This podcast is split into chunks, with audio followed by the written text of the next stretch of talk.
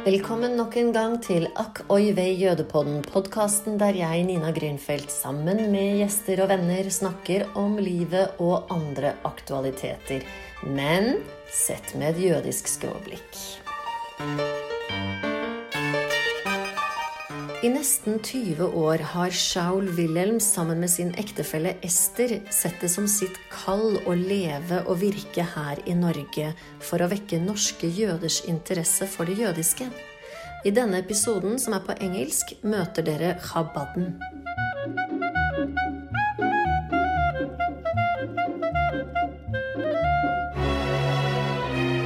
Welcome, Shaul. Thank you. Uh, when you entered, I said Shana Tova. It's because it was just Rosh Hashanah, which is Jewish New New Year. Year. What does that mean to you? Rosh Hashanah is um, it's the head of the year. Rosh, in fact, means head, and in uh, Jewish tradition, we are taught that the head of the year is the time of rethinking our past year and our life up until now in order to be able to proceed and move forward with the coming year being the people we really are supposed to be. And uh, just like a head that has within it all the functions and the hardware of everything that happens in our entire being, um, Rosh Hashanah is the same idea. It's a time we spend most with prayer, in family, because those are the most important things hmm. to contemplate about the world around us. Rosh Hashanah, we don't only pray about and we don't only only think about ourselves, our families, and even the Jewish community. Very, very much of the focus is about having a world in which everyone can actually live in with respect and love and peace. Hmm. So that's what Rosh Hashanah is to me, and that's what I hope that I portray to those, to my own family, and to those who I'm involved with. And next week is Yom Kippur. And isn't that the day of atonement? Right. So Yom Kippur will begin on Tuesday evening until Wednesday evening. It's 25 hours uh, in which it's considered the holiest day in the Jewish calendar. Um, many Jews I know here in Norway also uh, very easily uh, ask for permission and get their day off work because of religious rights. And it's a day spent on true inner search about who we are and where we are in life. And it's a, a beautiful idea, one that I share many times when I speak in universities and schools here. To stop, to take a day of the year and do nothing but think about where I am and where I would like to be. And part of that is all obviously to, uh, to ask for forgiveness from God. But uh, prior to that, uh, uh, Jewish tradition teaches us that God says, you know, between you and I, I can deal with, but first deal with all your hu- human relationships. And it begins with sometimes with people which are very close to us, and it obviously to the people around us that we may have hurt, sometimes even intentionally, unfortunately. But it's a, it's, it takes humility, it takes courage to, f- to ask for forgiveness, receive forgiveness, so that we can start a new slate and look forward for a much better year. Mm-hmm. So you are clearly a very wise man that I can already you. hear. I invited you here, Shaul, because you are the Chabad in Oslo, in Norway. I know not so much about you, so I would love to learn to know you a little bit better. Tell me, tell my my listeners, who are you? Where do you come from? what is your family background? Lovely question.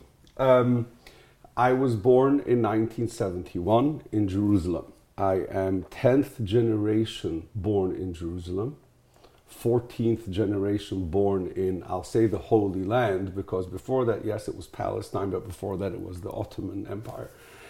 Um, so I'm 14th generation born in the Holy Land, 10th in Jerusalem. My parents, both of my parents, both, both born in Israel. My father, a year exactly to the day before the birth of the modern state of Israel. Uh, my grandparents, with the exception of my mother's father, were all born in Israel too. My mother's father is originally from the Ukraine, uh, Berdichev, uh, Kiev, etc. And uh, I was born there, and at the age of three and a half, my parents left Israel for London in 1974, and more or less from then until 1987, most of my upbringing was in London, England. In my home, we are an observant Jewish home, belonging. My both of my parents are for, belong to the Chabad movement as Chabad being a Hasidic uh, group, but the community in London is very, very broad. Uh, the synagogue we prayed was not in a Chabad synagogue. Uh, some of the, my schooling was not in a Chabad school. It was in the Jewish schools, local Jewish schools. In 1987, I left London for New York, where I had, was very fortunate to be in a yeshiva, a Talmudic college, religious school, religious school in uh, Brooklyn, where Chabad has its headquarters, and at the time, the Rebbe, who of blessed memory, who passed away in 1994. But uh, when I arrived in 1987, so I was in the yeshiva in that neighborhood, and um, meaning you are influenced by his thoughts. Very or? strongly, mm. very strongly. What was his name? Rabbi Menachem Mendel Schneerson. Mm-hmm. Um, so he is the seventh Hasidic master within the Chabad movement. Uh, the Hasidism is something that evolves in Poland, right? Mainly in the 18th, early 18th century. So Hasidism started in the early 18th century, but it started in the what we would call then Poland or White Belarus. Russia, Belarus, yeah. yeah um, and it started from a, uh, the founder of the Hasidic movement was called Rabbi Israel Baal Shem Tov. Baal Shem Tov means the master of the good name. And those rabbis that you're referring to, they are very important. They are like ideological leaders in diff- at different times in different communities, aren't they? Very, very much. The, the, uh, the Hasidic movement per se began at a time when Jews in, the, in Europe were after pogroms and uh, the, the situation of, of even literacy within the Jewish community was at a low. Um, and obviously, being under the rule of governors and kings and whatnot all over Europe, and uh, the Baal Shem Tov was the one who came and inspired an entire new thinking mm. and broke the pyramid of within the Jewish communities. And what was that pyramid? I mean, before Hasidism, because Hasidism is like a contra, maybe not revolution, but it's a movement uh, opposing something existing, right? So, what is it actually opposing towards? That's a, that's a interesting. Um, I, I wouldn't call it opposing. It's more uh, reviving something that was lost over the years within the Jewish community, mm-hmm. which was, um, if we look back 250, 300 years, we will see that in many Jewish communities around Europe, there were, you, if you'd come to a shtetl, to a little uh, village, Small Jewish village. A, a small Jewish village. You'll have the synagogue of the scholars, you'll have the synagogue of the blacksmiths, and then you'll have the synagogue of the gold and silversmiths. In other words, there was there was um, there was a hierarchy which was half spoken about and half not spoken about.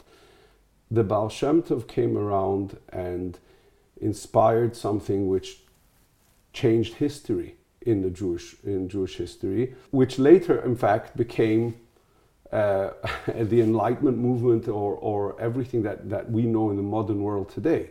The idea that every single person counts and to stop seeing the superficial aspects of people, of the individual, rather to focus on the commonality, on the uniqueness of the individual.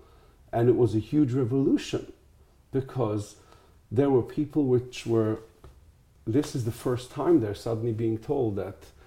Uh, you know the simpletons are, are, are, are, are of the same value. Today thank god we're living in a world where more and more people understand that and know that. And we're still trying to all of us trying to evolve into being the uh, being people that truly appreciate every human being for who they are but that at that time it was a complete revolution the Baal Shem Tov himself with his own students which were I'm talking about the learned students they questioned him they asked him why are you spending time with simpletons what's the point? It's a waste of time. You know, give them a little food, give them a little sustenance, and move on.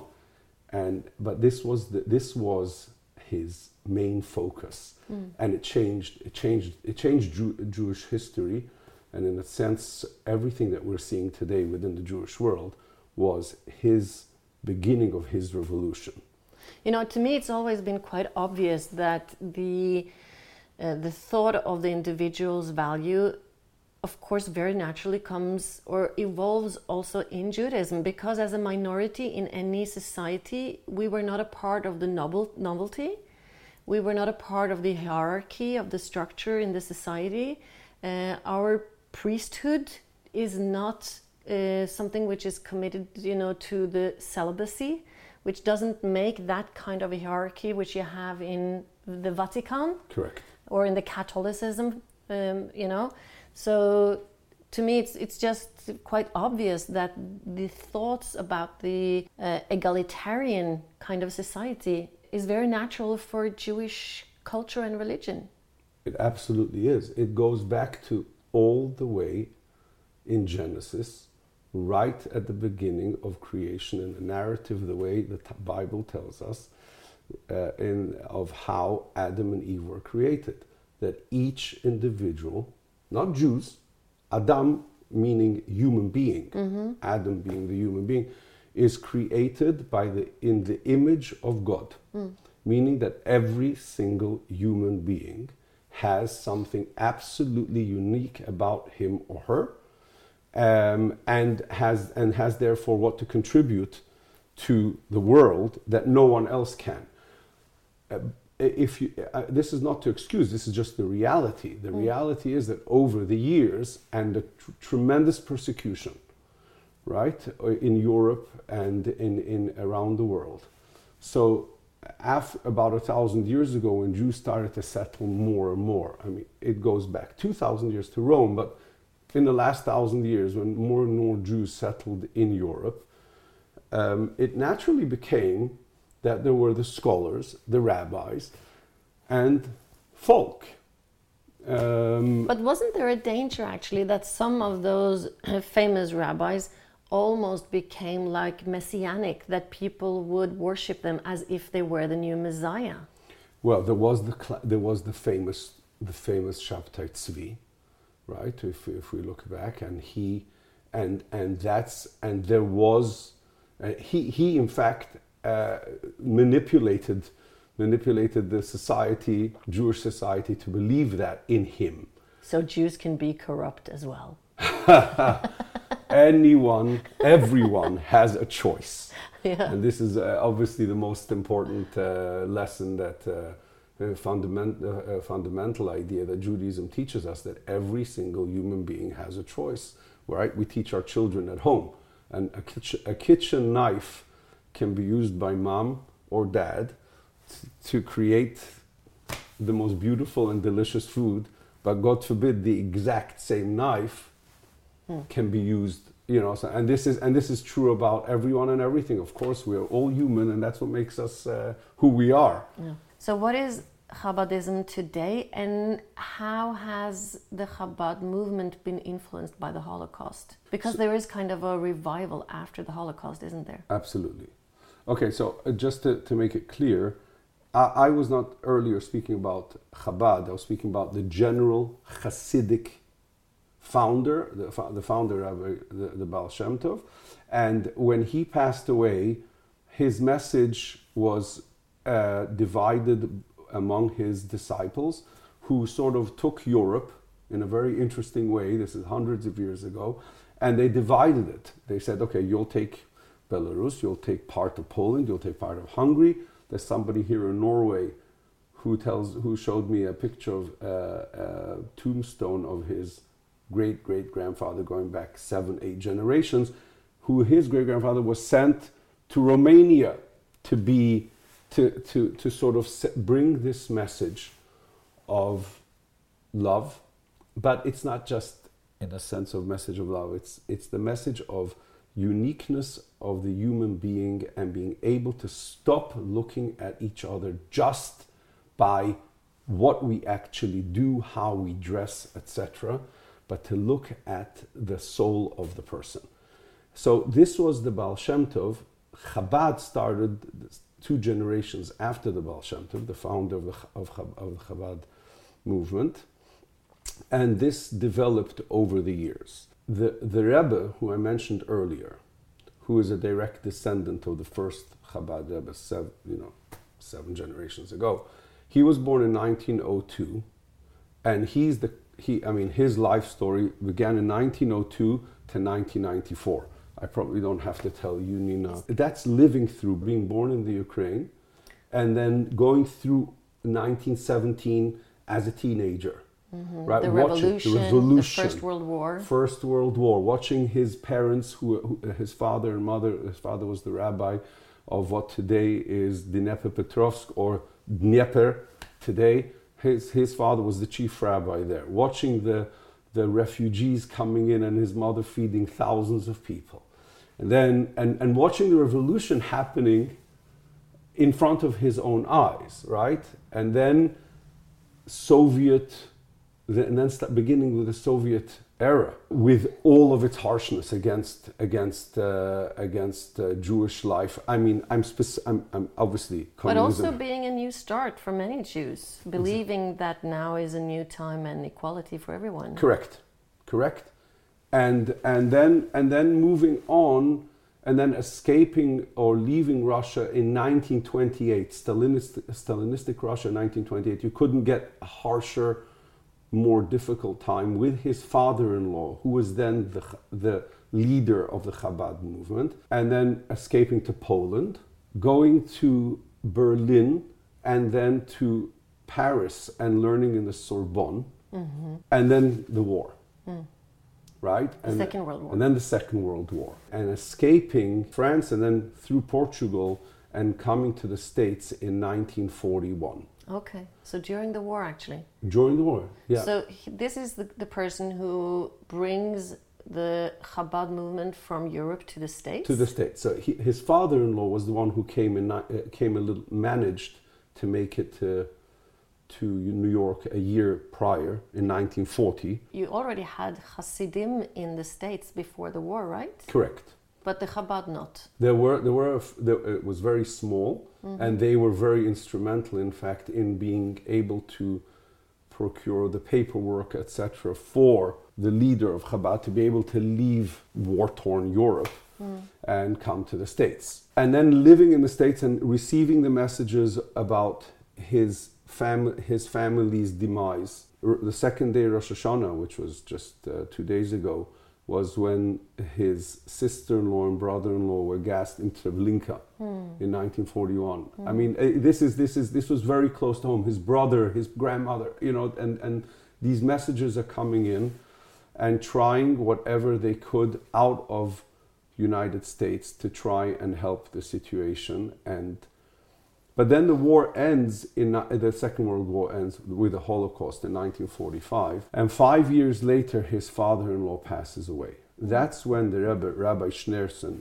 Rabbi Menachem Mendel Schneerson, becomes the leader of Chabad. And what happens then, Nina, is a true revolution in the Jewish world. Very unlike most Jewish leaders who this is this is not to, God forbid be seen as any type of criticism or judgment, God forbid. But everyone was trying to save whatever they could.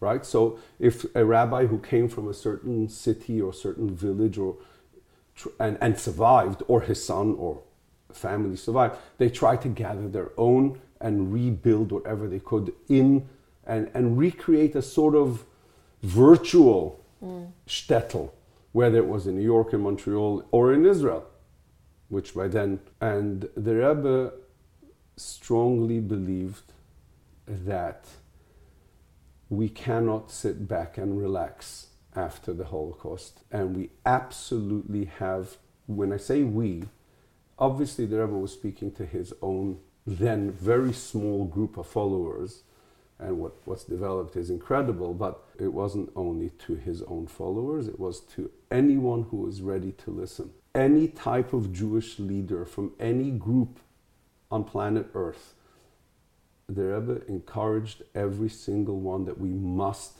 reach out to everyone. Exactly. And usually, when I talk about you to people who are not a part of the Jewish community, I usually say that you are doing the intermissionary work. You are trying to make Jews come back to Judaism because uh, Judaism is not a missionary religion. We don't want At everybody to, to come to our religion. But as far as I understand, and correct me if I'm wrong, your job being here. Well, I'll ask you, what is your job being here? But it does have to do with awakening the Jewish uh, consciousness among Jews in Norway. Is that correct? You, I should hire you as my spokesman. uh, uh, Judaism doesn't believe in missionaries, in missionary work, because by definition, Judaism respects every religion by definition, and therefore no one needs to be Jewish in order to fulfill his or her mission in life. So, why is it important then to bring Jews back to Judaism? I, I can answer that question on so many levels, mm-hmm. but I'll, I'll, begin with what drives me. Mm.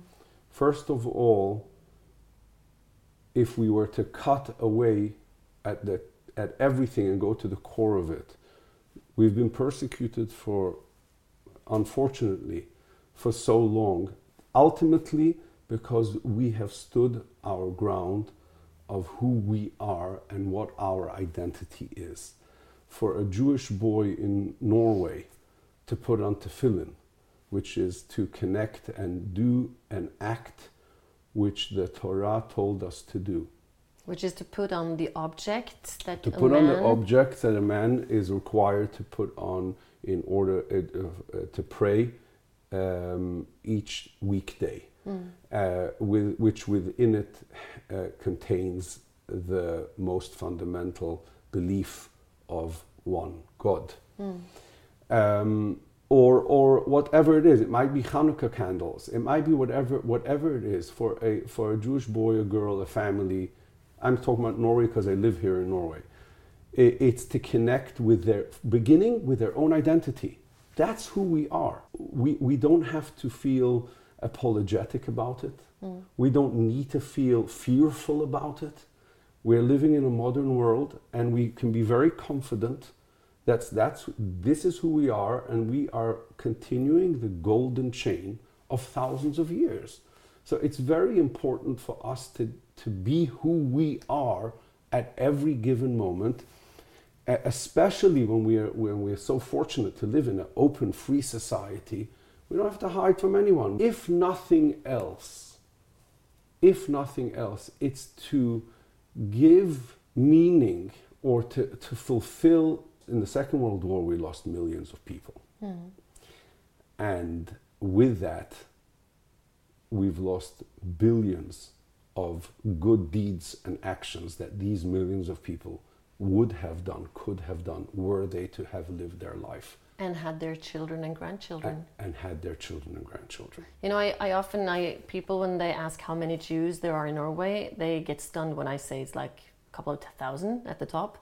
And then when we talk about how many Jews there are in Europe and how many there should have been, who should have been your neighbor, who should have been your friend in school, my assumption is there should have been somewhere between 20 and 30 million Jews in Europe. You have you have touched a point that I always make when I speak here in schools.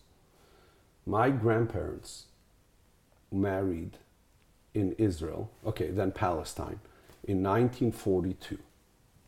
They were a young couple, they married in 1942. They, okay, they came from a religious background and obviously the way life was then, and they had 10 children, mm-hmm. right?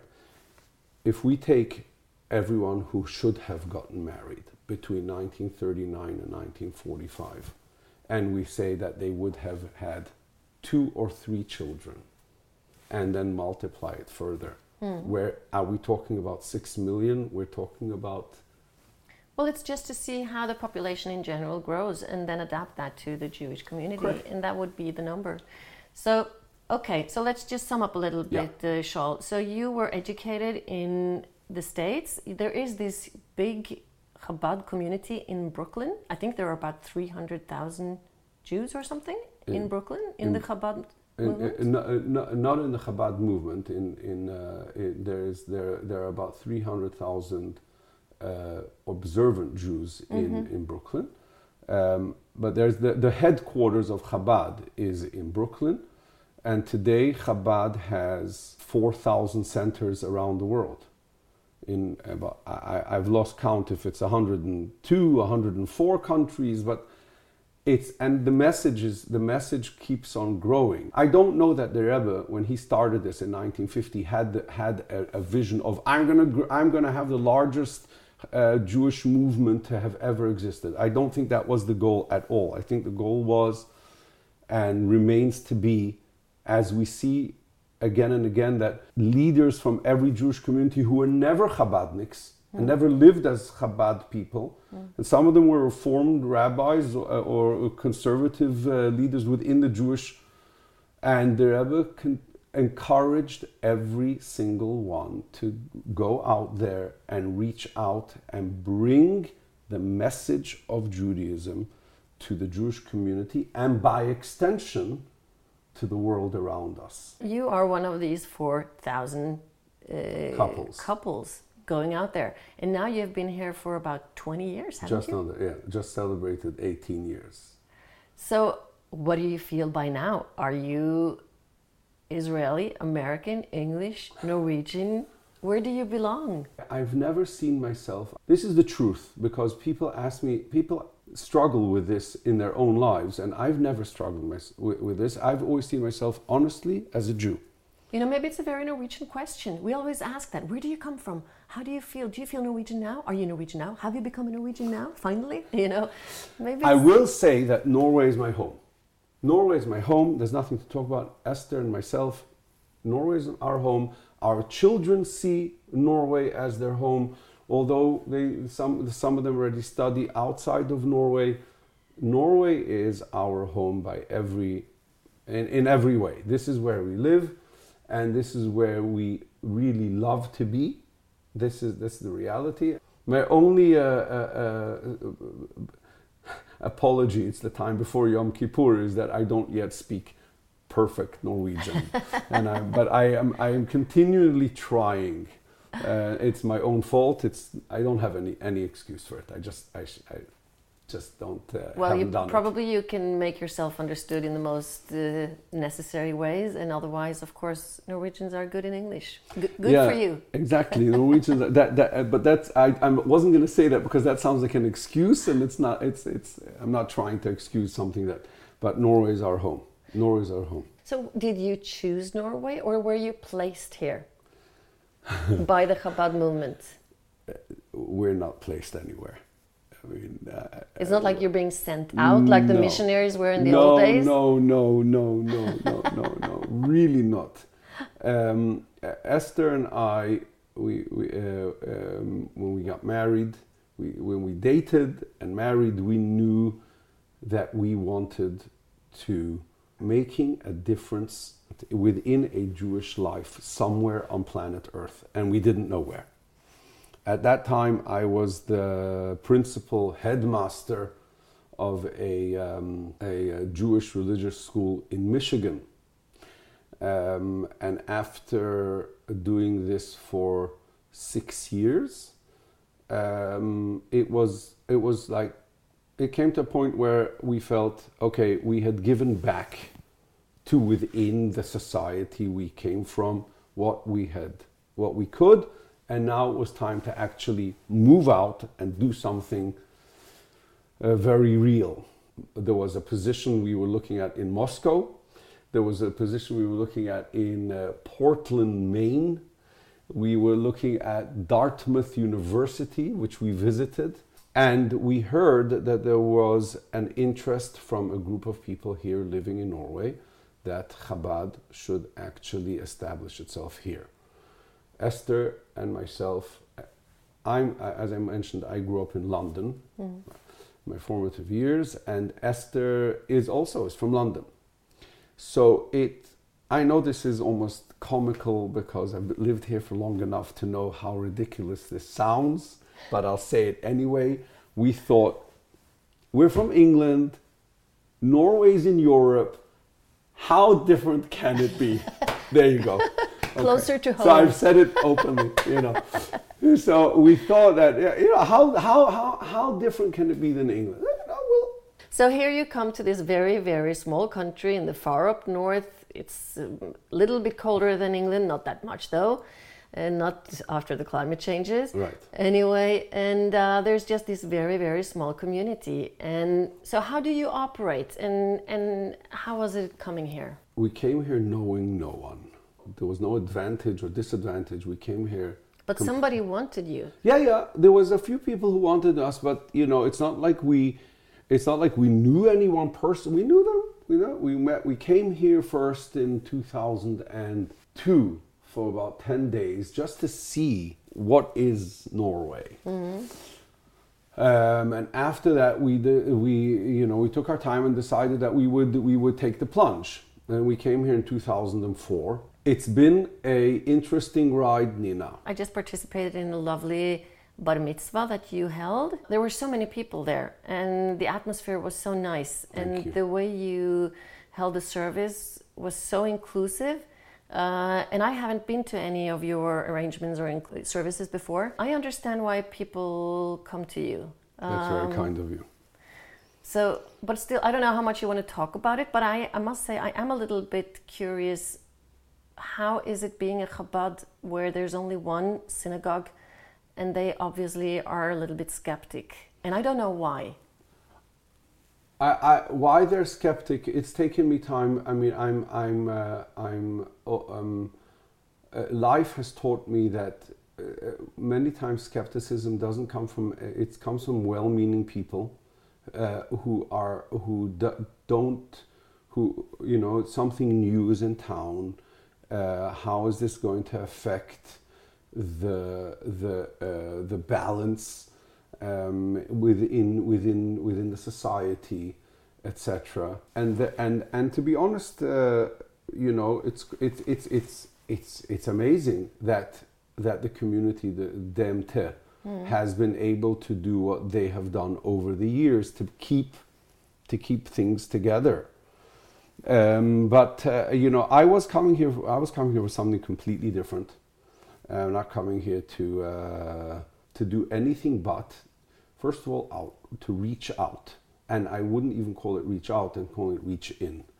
Over the last 18 years, I have met, I should say, Esther and I have met hundreds of Jews that have absolutely no obvious connection to Judaism, certainly not in a way that they are associated in any way to any uh, formal.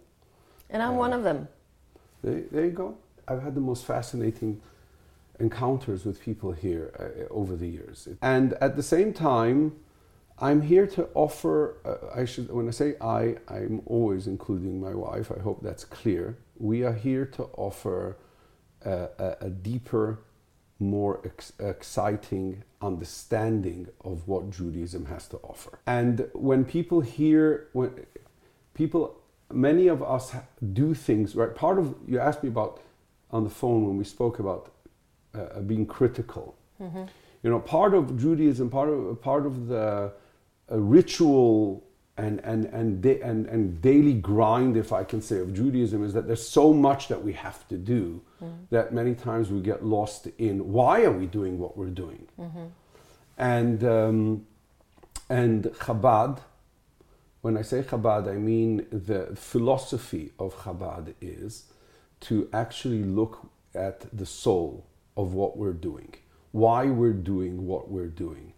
And when people understand that, they connect with themselves, beginning, they connect with themselves, they connect with their family. I mean, this bar mitzvah, we won't mention names just because it was a private event, but in the sense, right, we had a bar mitzvah boy who is Norwegian, Jewish.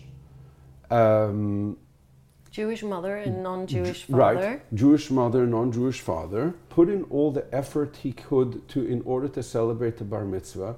And then lo and behold, because of that, there's an 80 year old Jew, the great uncle, and then another great uncle who's 73 years old, who was born here in Norway mm-hmm. and uh, didn't have the opportunity to have his own bar mitzvah.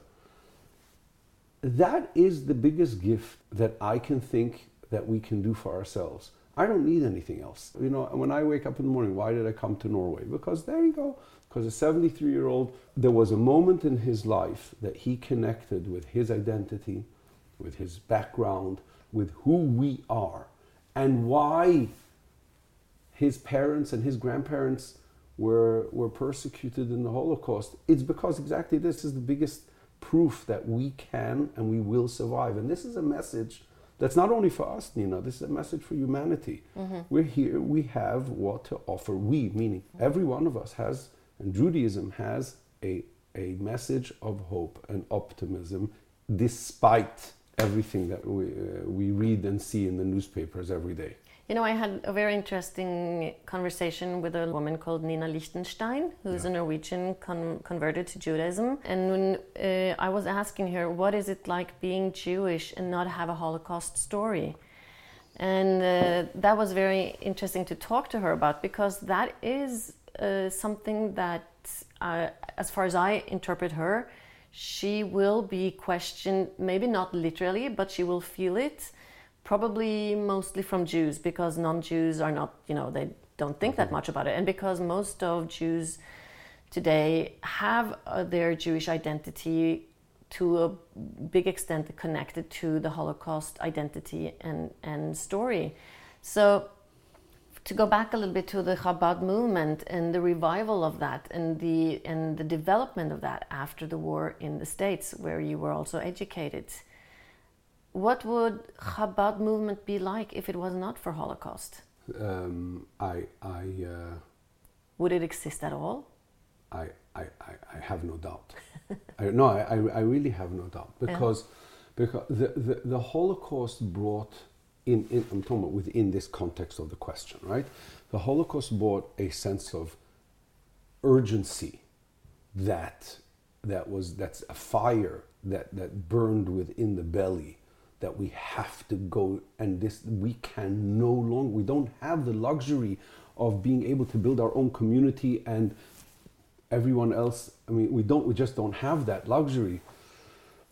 But without uh, the Holocaust, if you look at the development of Chabad for 200 years prior to the Holocaust, you'll see a continual uh, push towards this idea of, out, of, of outreach, in reach, and being able to educate a generation which will be firm and strong, irrespective of, on the contrary, you know if I can if I can sharpen just w- this point, the message that uh, Chabad has, and by extension, it's it's not it's not a Chabad message, is that we in our times should stop seeing the world or the, the, the affluent world, the modern world, as anything which is opposing Judaism.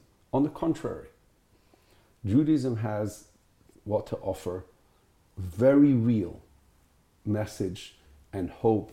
Not only hope, but real meaning in our daily experience in an affluent country, right? The, the, the given notion is, and I'm not the one to say this, that the more affluent the country or the more modern, the less religion there is. And we see this outside of the United States of America, which has its own history. I mean, most countries which are more affluent are less religious. Hmm. Uh, because we see sort of religion as a uh, as a concurrence, as a competition to, or, or, or almost almost an opposing to the modern world. Mm-hmm. Chabad never, has never adopted that. On the contrary, the world is a place which was created by God and has, and if we use it correctly, we have the, the, the, message of true understanding and equality and tolerance in a very real way it has its place very much within within the society. So it might be not it might not be very often that we see it, but it's certainly natural. Okay, so a little bit more prosaic questions. Go ahead. If I saw you in the street, I would, uh, you know, immediately identify you as a religious Jewish man. Uh, most Norwegians, I think they don't, but they can't really identify you. They don't know who or what you are.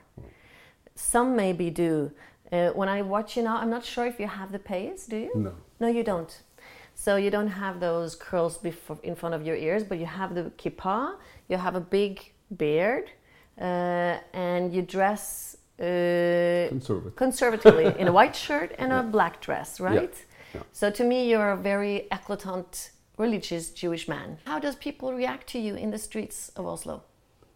Uh, the most often asked question I get in Norway is, "Can I take a picture of you?" and why do they want to do that? you know when i don't notice it anymore my children always my especially my daughter, say Ta, do you notice how many people are looking at you I, i've i've i've st- if i would if i guess if i would put all my attention towards that i would i i wouldn't be able to think about much else but um But do you get like uncomfortable attention, like anti-Semitic? I think most people, uh, as you say, many people don't know where to place me. I've, I, I- I've had the funniest, the funniest things. I mean, I was on I, my cell phone, my mobile phone ran out of uh, battery, and I had to use a public phone in, in, in the middle of town in Torggata. And I called my wife, and somebody was standing next to me, and I naturally thought that this individual was waiting for the phone to. So I, I, I as soon as I got off the phone, I said, uh, "Please." uh," He says, uh, "No, no, no, no. Can I ask you a question?" I said, "Of course."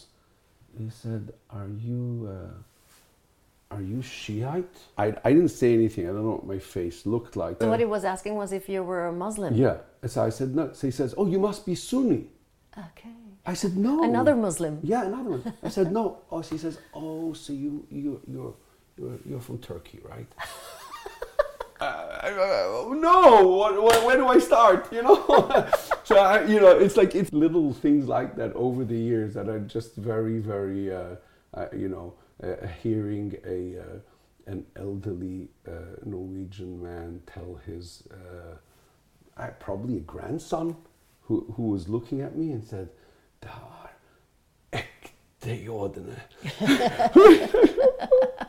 whatever. My kids laugh because um, many people ask to take pictures. Other people just actually sort of sli- you suddenly see them slip their phone out and they're taking it. I, guess it, it makes sense. I mean, it, it's not something people see here. I, I had told you when we met on the phone about uh, a woman who lived who, who who moved away from Norway and uh, she lives today in Israel.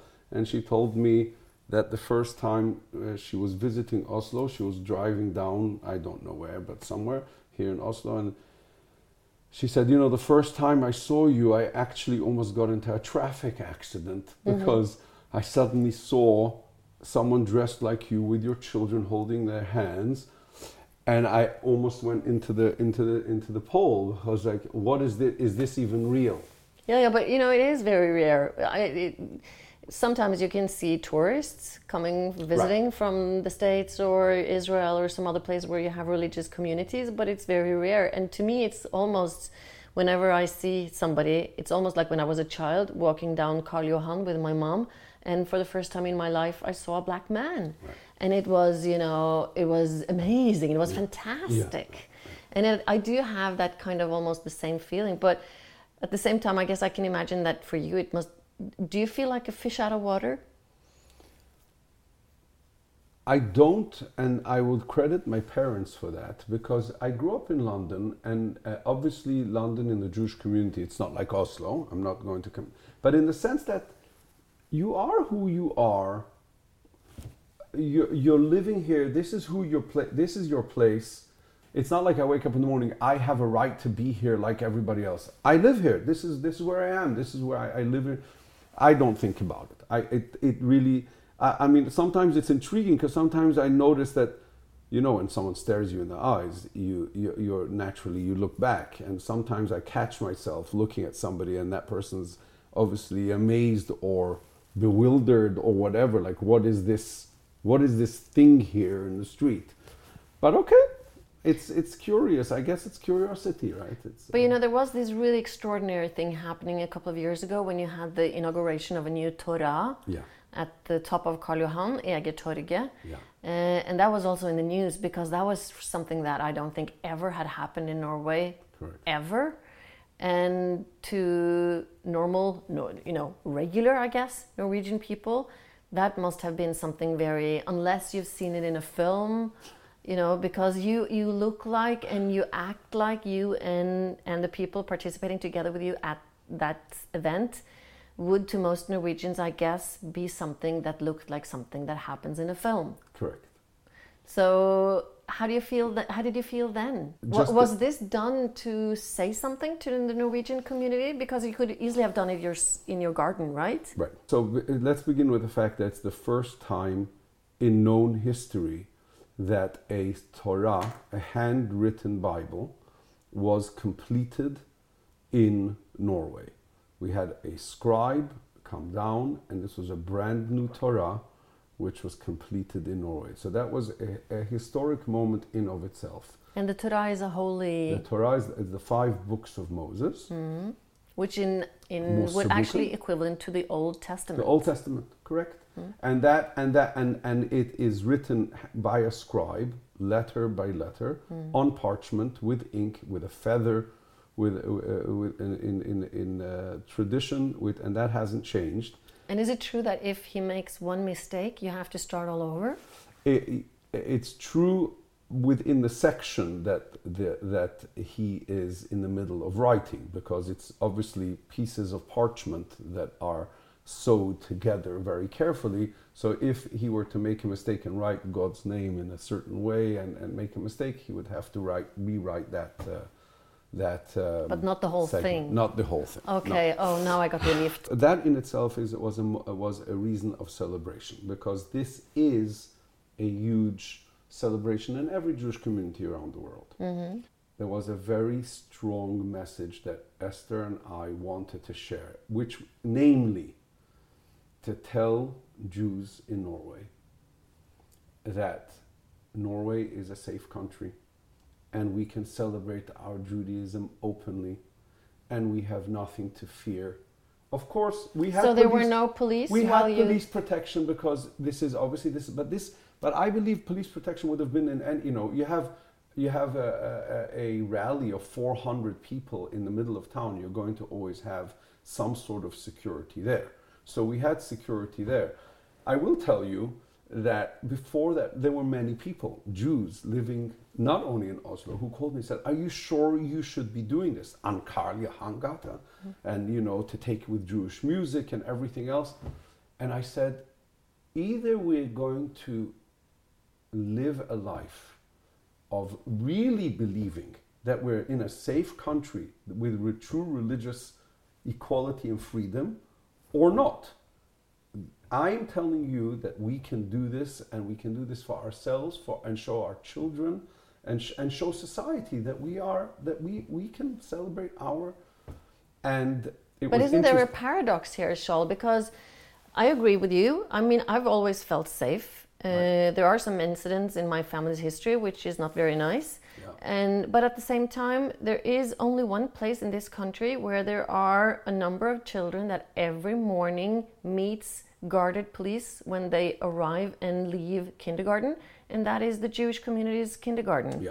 And those are armed police. Yeah. Uh, I think that is, you know, you know, to me, that is, it, it, it says such a clear message. I'll tell you an anecdote which I find very interesting. A friend of mine, he was working in Denmark for a couple of years, and he was working as a teacher then. And at the French school in Copenhagen, they got the message from the French authorities after the terror attack on Charlie Hebdo, which was also an attack on a kosher store, right? Of course. uh, that they had to have police surveillance. And they said, okay, but what that ended up in was it, that people passing the school thought it was the Jewish school. And they were more afraid of being identified as a Jewish school than having police surveillance. So the police left. Right. That's quite interesting. That's very interesting. And and to me, it's a little bit paradox that you say that you want to celebrate publicly and tell the Norwegian population that we are safe at the same time as the movement you are representing do exist as a result of the experiences after the war making sure arrest me if i'm wrong that our identity has to live on and not forget. Maybe there is not a contradiction there i'm not sure I, the question is a, is a is an absolutely fair question, and it's obviously it's a it's a it's a point of discussion, but the two not necessarily need to be you know conflated. The- the- There is the the fact that Jewish children have to uh, come to a Jewish school or a kindergarten and have the armed police is uh, very very unfortunate. It also though is a result of of the realities that we live in, right? At the same time, we cannot escape the fact that we we cannot hide all of the time. A Jewish school, a Jewish kindergarten here in Norway needs that protection, and it's unfortunate that we need it. It mm. really is. And what you just said, the anecdote, I didn't, um, I have not heard about it, but that it's so complex and, par- and paradoxical all in one. At the same time, you know, I, I will never cower to someone who's who has something negative to say to me, and I will, you know, look, I I live here in Norway for 18 years, and I and, and trust me, Nina, I know anti-Semitism exists. There's not, I know I've experienced it myself, and I don't talk about it for my own reasons. This is nothing to do with Chabad. This is my own experiences. Norway as a whole, I personally believe, is light years ahead than certainly than England. When I, I grew up, I learned every curse word in the world in English, the English language, not from home or from school. It was a, a completely regular part of my upbringing to walk down the street and someone opening their window and reminding me and teaching me some vulgar language. really Yeah, this, but that, but that was that's that. I mean, we didn't even we didn't even flinch about it. this. Was just part of you know. life Yeah, we came home. I, I had to take the bus home from school every day.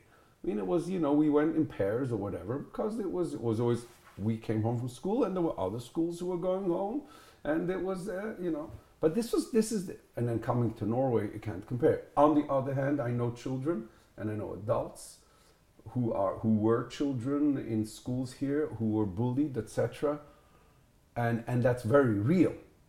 But the only way, not I shouldn't say the only way, the strongest way that we, not without out, without guns and without knives, um, is to show our presence. We're here, and we're here, and we believe in the system.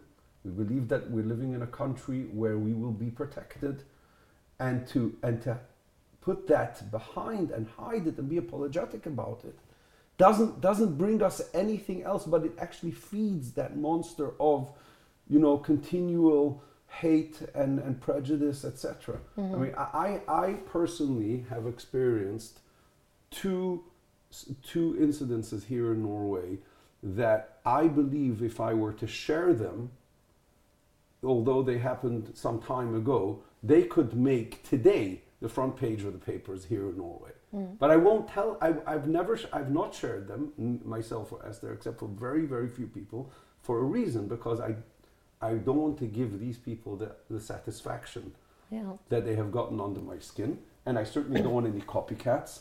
And and bi- the bigger message is Nina that Norway is not. This is does not represent Norway.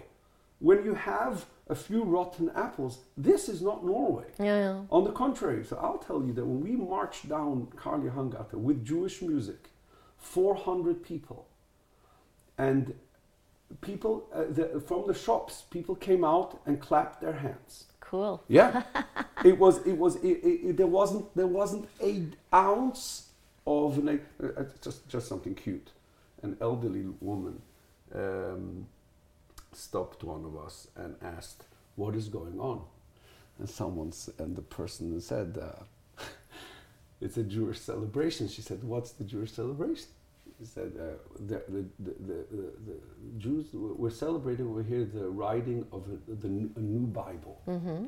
And she said, in Norwegian, but she said, Oh, you finally got rid of the old one? That's going to be my best, my best story. She sounds Jewish. Yeah, so, so, so I find that hilarious. Yeah, that was good. Okay, we're going to start rounding up. Shaul, you are obviously succeeding in your work here. I mean, slowly, slowly, slowly, you're growing. You are being recognized. People come to you for your advice. They come to you to get help getting married, having uh, Brit Mila or Bar Mitzvah or Bat Mitzvah or whatever. Do you, do you do Bat Mitzvahs as well Yes, for the course. girls? Yeah. Of course. Yeah. Okay, because you know, you're talking to a feminist here, and I know that you're a little bit old fashioned, as the Orthodox are. Of course, Judaism, as any most other religions, are patriarchic ideologies and societies, Yeah.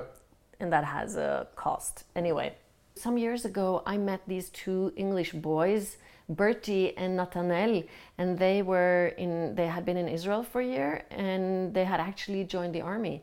And after this, they were going to hike in Norway, and they had nowhere to stay. They were going to go to a youth hostel, so I offered them to stay here, but I couldn't cook them a real kosher meal uh, for the Shabbat. So I suggested they'll go to your place, and they did.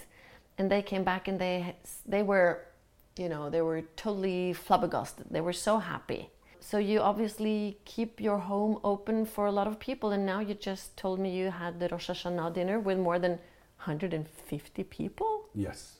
and you Yeah. had to. Th- there wasn't room for everybody. There was not room. So, so, so uh, this Rosh Hashanah, this past Sunday night, was the, the eve of Rosh Hashanah, and for the first time ever, and I cannot tell you how awkward it is to uh, for me to actually have tell people that I don't have room. It's it's it goes against ev- my it goes against everything who I am, but I couldn't create more space. So my pledge in the beginning of the evening was that next year I will try harder to make sure that this doesn't happen. Um, yeah, so we had we had a, a very large crowd. We had hundred, almost 160 people um, the first night of Rosh Hashanah, and every Shabbat we host both Friday night and Shabbat day. Jews, primarily Jews and Jewish families, mixed Jewish families who live in Oslo, but people come from many places around Oslo too. And then you serve them kosher food. And who makes all the food? Esther does? Esther is uh, Esther deserves all the credit. yes, That's a big job. Uh, hopefully, she has help. she has a little. She has some help. Yeah. Um, Not too much, it uh, sounds. uh, uh, uh, you know, we're, we're still working on that. As as uh, she has help, and she does it with a tremendous amount of love. I mean, you tasted that food by the uh, by it the was mitzvah. so good. But, but the- only love can take can can can produce food like that. You know, honestly, often I think that kosher food doesn't really succeed in the way like the French and the Italians do, but that was really, really, really good. It just depends who's cooking it. Yeah. no, but um, uh, w- uh, um, those two boys, by the way, that stayed here, I, I remember them, and they're still in touch with us till today. ah, cool. Yeah. And one of them got married. One of them, oh, and I think you he even had a child A actually. child, Yeah, correct, Yeah. And the other one is moving into the music industry. yes, yes. So, uh, okay, another prosaic question then, Shaul. who pays for all of this? Your life and all that food and the renting the houses. I'm going to say it as it is. Yeah. Part of a a Chabad rabbi's um, daily schedule is that we need to fundraise every penny ourselves. You're not financed by the movement in New York. Not even with one dollar. You're kidding. You are you raising all the money for all I these activities? I am raising every single kroner for these activities. so I mean, you're you're not on the Norwegian state budget. I'm not on the Norwegian state budget. So and how do you first, do it? The first, the first three years, we had a sponsor who helped us um, with 30% of our expense so that we should be able to establish ourselves. That was, which, which, which, was, which was huge. Just to make sure that doesn't sound like I'm not, that is huge credit, and, and uh, we're very thankful for that. But outside of that, which that was someone in Lubavitch headquarters had found a person who wanted to sort of be involved in something new and a new initiative, etc. A foreign sponsor? Yeah, a foreign sponsor. And then since then, uh, I have I have to raise every single kroner. But that- can you, do you find them in Norway? I mean, is it private people who want to contribute, or how does it work? It works by me calling people, sending emails, Oh my God! text messages, WhatsApp. Are uh, you are you okay doing that? Or is it something It you just not, have to do? It is not my favorite part of my job. Quite the contrary, but it comes with it comes with the turf. I so when you when you feed 150 people, you you When it's on your on it's your on my account. dime. Uh, uh, uh, when I feed when I feed 150 people, the cost of the location and the food and everything that it involves, obviously we charged people to uh, to contribute. Yeah. Uh, but uh, you, if you do the maths, nobody. It's no secret. You have hundred and almost 160 people paying 150 kroner each. You take that and you put it into what the cost is. Obviously, it doesn't cover it. Mm. And I, I reach out to people. I, I reach out a lot to people in Norway, but uh, it's not only in Norway. Uh, it's it's it's uh, you know with with with the way contributions work in Norway, it's also a lot different than it works in other in other countries, right? In, in- is the difference? The differences in the states, for instance, a person who, who will give uh, who will gives gives a donation, it has a very real impact on how their taxes. Yeah, work. yeah, he can reduce it from the taxes. Correct. Exactly. Here it's limited to I think fourteen thousand kroner a year. I think either twelve or fourteen thousand kroner a year. Um, so, uh, people, a person who gives any type of donation in Norway is really out of his or her pocket Hmm. because there's th- th- there's no fringe benefit. So there's nobody. You don't have an employer that you report to who pays your salary. Absolutely not. I am who I am, and everything that I do is on what I can expand my horizon and try and help. And So your salary and your rate. I'm, I'm a little bit shocked here actually because I was so convinced that your salary, your rent, your expenses were covered by the Chabad movement. Um, And Norway is an expensive country. I know. Are you sure you? Believe me, I know. I think I, I think I can teach uh, some people how expensive Norway can be. But recently you were in Israel and you married a new couple. It looked really, really beautiful. I just saw it on the Instagram, somebody's Okay. account. But then hopefully they they bring you to Israel. Yeah. So so so the, obviously that you know when I I flew to Israel for a wedding, so uh, yeah, the family uh, uh, uh, obviously asked me, and they, they, they don't expect me to pay a ticket, etc. And and there's a lot of pressure that comes with it because naturally uh, there's always the thought I could do so much more if I would be able to only fundraise more. Uh, but there's oh, there's a limit to how much time I can actually dedicate to fundraising when there are, when the phone is. I mean, since we've sat here, I don't know if you noticed how many phone calls and text messages have come in, but when people need real assistance, when I have my commitments to the classes that I give and to the and to and to and to my family life and to everything else.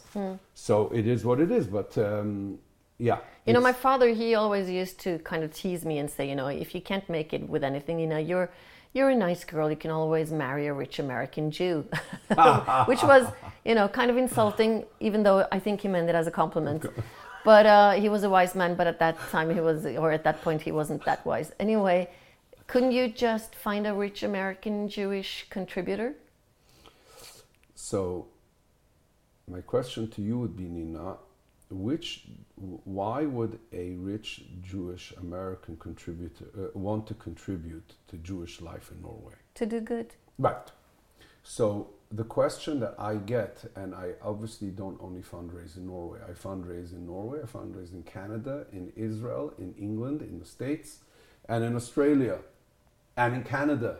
But a person, but people ask me. I don't say you're living in Norway. Norway is not exactly a third world country. It's not Kiev. I'm not talking about now after the war. I mean, I mean, I mean you know, this, this isn't this isn't uh, this isn't a backward country. This is a country which is affluent, which does well. Tell me why I should write a check Exactly. for Jews in Norway. Which makes it even harder for you. But but uh, but my answer is, my answer is because I'm a, uh uh you know one person once asked me what do I have to do with Norway, and my answer to him was what do I have to do with anything in Norway?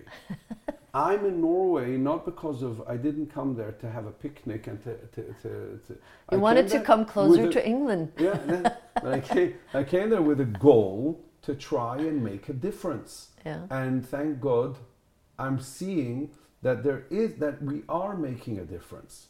And if we're making a difference, I'm giving you the opportunity to be part of making that difference. And uh, there are many people. Uh, I guess I should grab the opportunity and thank them because this is an opportunity to thank all those people. I woke up this morning, and uh, Esther has to go shopping today because uh, because t- tomorrow night is Shabbat and then Yom Kippur and we're having Yom Kippur is a fast day, so we have about we have a, a large group of people coming to us to eat a very healthy meal right before the fast, and then Wednesday evening when the fast is over, a break fast. Uh, so I so I checked my account this morning to see you know I, how ho- I hope you have some good agreements with grocery stores. we have some very nice agreements. I mean, people are. Uh, uh, uh, the, the bottom line is that we manage, Yeah. and we and I'll invite anybody to help us, and that would be very nice. I, my point uh, just this morning, and I, I looked at my account, and the quite a few people right now because we're in this time of year, I guess, before Yom Kippur, had uh, on their own voluntarily here in Norway sent us some very nice donations, which makes it A little bit more easy. Doesn't it? It's also very appreciative. I'm very appreciative. Yeah, yeah, yeah. Well, I'm I'm totally impressed. Okay, I think I'll I'll round up by saying that uh, participating in your service was also so interesting and nice because the diversity among the people there was so huge. You know, maybe I'm wrong, but I would imagine that if you were in Jerusalem amongst your owns in a way, or maybe even in Brooklyn or London, uh, I don't think the diversity would have been that huge. I mean, of course, there are a lot of Gentiles, non Jews. There were people with tattoos, there were people in all ages, there were observant, non observant, there were really a huge diversity. Um, what do you and that's kind of a strange thing in a Norwegian society, which of course has turned into a multicultural society, but still, though, still is quite homogeneous. So, uh, okay, so I guess my question is Has your life, does living in Norway make your life more or less diverse? Living in Norway has made my life far richer, far deeper, far more humane than anything that I could have and would have experienced if I would have just stayed in Brooklyn, in London, or in Jerusalem. I mean, living a life among Norwegians, primarily, non Jews, right? People are not Jewish.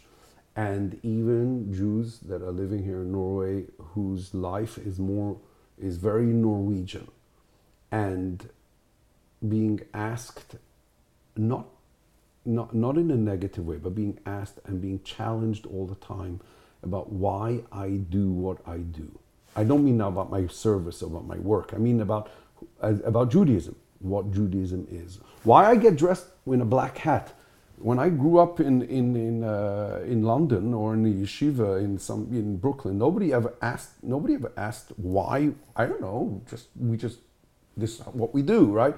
And suddenly to be asked everything all the time and having to actually understand myself better, understand Judaism better, understand what the message of who we are as people, as human beings, as Jews, it's it's it's uh, it, nothing in the world could have given me a more So being questioned forces you to reflect and make you a Better. richer person, a better person. absolutely, absolutely. Takk for at du lytter til AKIV Jødepodden. Om du liker denne podkasten, kan du trykke 'abonner' i din foretrukne spiller. Da vil du motta beskjed om når neste episode blir publisert. Dersom du har spørsmål til AKV Jødepodden eller vil bidra med innspill og ideer, send gjerne en mail til post at jodepodden.no. AKOIV Jødepodden er støttet av stiftelsen Fritt Ord. Musikken du hører, er komponert og arrangert av Jens Wendelboe.